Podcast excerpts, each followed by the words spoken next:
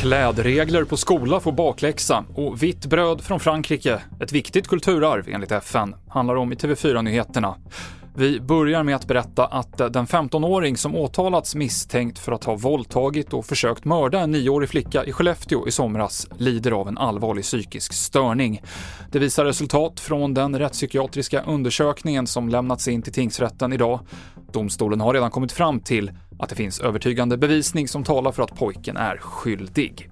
Internationella Engelska skolan i Täby norr om Stockholm måste riva upp de klädregler man har för elever, har Skolinspektionen beslutat. Det inleddes en granskning efter uppgifter om att flickor inte fick visa bh-banden och inte ha urringade tröjor eller korta kjolar.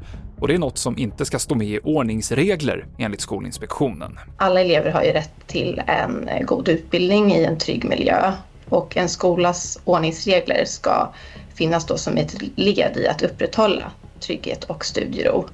Men i vår utredning så har vi kommit fram till att innebörden av den här regeln som vi har tittat på inte har det syftet helt enkelt. Eh, och sen så har skolan också ett uppdrag som handlar om att eh, förmedla individens frihet och integritet. Eh, och vi har kommit fram till att innebörden av den här ordningsregeln begränsar elevernas frihet att själva välja hur de vill klä sig på ett sätt så, som inte är förenligt med skolans uppdrag. Ellen Delby Sosic, utredare på Skolinspektionen. Och den franska baguetten är nu en del av världens kulturarv, har FN-organet Unesco beslutat om. Det handlar inte bara om själva brödet, utan även om bakandet och den roll som baguetten spelar i det vardagliga livet i Frankrike.